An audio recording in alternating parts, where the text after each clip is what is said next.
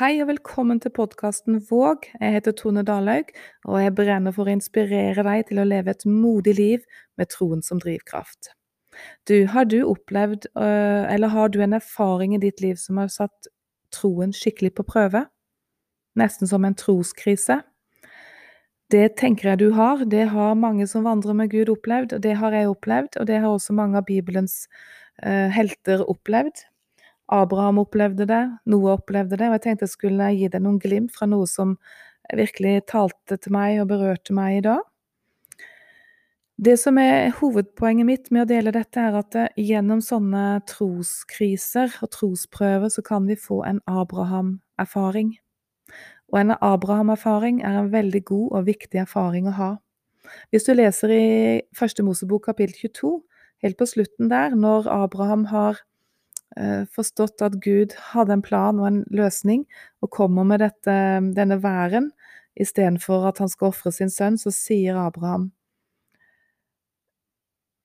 han Først gikk han bort og tok væren og ofret det som brennoffer, og så sier han dette stedet vil jeg kalle Herren forsørger. Dette stedet vil han kalle Herren forsørger. Det er en Abraham-erfaring.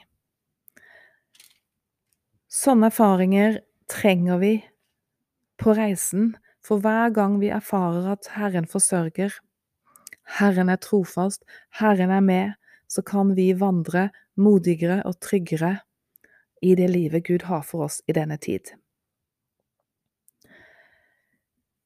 Jeg husker for en god del år siden så sto vi i en veldig, veldig tøff krise. Og det var så ille at jeg ble sykemeldt, og det varte i mange måneder før vi fikk gjennombruddet. Og på et tidspunkt så hadde jeg lyst til å gi opp. Akkurat den opplevelsen var sånn at jeg tror Gud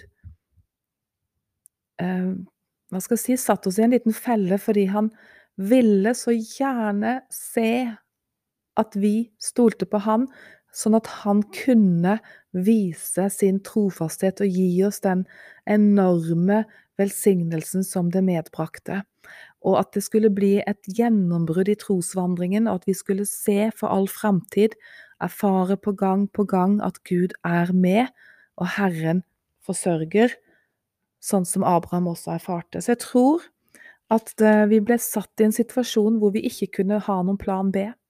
Jeg husker jeg tenkte det at det var som en sånn felle, vet du, for ofte så har vi jo sånne ja, hvis ikke det skjer og ikke Gud kommer, så kan vi gjøre sånn, så har vi en plan B. Men her var det ingen plan B. Vi måtte bare stole på Gud, og det gjorde at vi så gjennombruddet, og at vi fikk se at, som med Abraham, at Herren forsørger. Men det er kjempetøft, og det er veldig, veldig krevende. Men når vi først hadde den erfaringen der, så har vi sett det gang på gang på gang. Og så er det jo vanskelig. Det er eh, like tøft hver gang. Men jo flere erfaringer vi har, jo flere Abraham-erfaringer vi har, dess lettere er det å stole på han i neste runde. Og så kommer jeg til å tenke på Noah. Um, han hadde jo også en erfaring hvor han virkelig ble utfordret uh, på sin tro, og han måtte bygge denne båten før regnet kom, og han bygde og bygde og ble latterliggjort. Men det jeg har lyst til å dele fra historien, er at på et eller annet tidspunkt så kom flommen. Eh, og det varte og det varte. Og til slutt så begynte vannet å synke. Og etter hvert så kunne de gå i land, på tørt land. Men det tok lang tid fra flommen kom, til regnet stoppa, til vannet begynte å synke, og til det var sunket nok til at de sto på tørt, tørr grunn, og det gikk enda litt tid før de kunne gå ut. Men hele tiden var Noah trygg i båten og Abraham hele tiden mens hjertet hans sikkert ble revet i fillebiter og smerten var til å ta og føle på, så var han trygg, for Gud hadde en plan. Gjennom de månedene jeg var sykemeldt, så var vi trygge, for Gud hadde en plan. Og hadde vi bare kunnet bli enda sterkere troen på det, så ville kanskje denne opprivende smerten og opplevelsen av at livet brytes i fillebiter, blitt mindre, og vi kunne vandre i denne freden som Jesus snakker om, i større grad. Så hele veien var Noah trygg, men det tok lang tid før han kunne gå ut igjen på trygt land.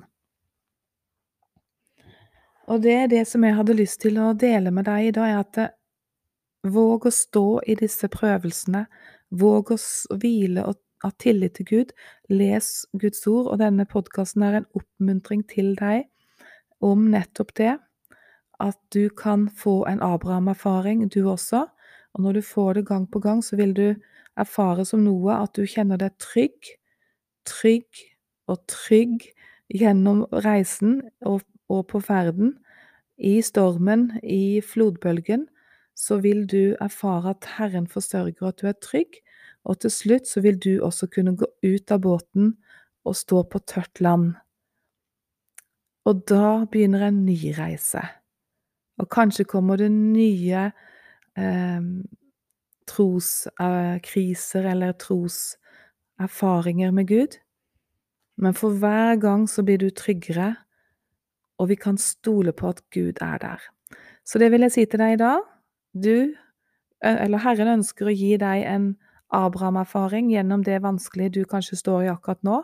Og husk at Noah sto tørt og trygt i båten, og han ble bevart gjennom alle de dagene og månedene det tok før han kunne gå ut på tørt land. Men til slutt så kan du gå ut, og da er du rikere og mer velsignet enn du noen gang har vært, og så er du klar for nye oppdrag. Ha det godt så lenge.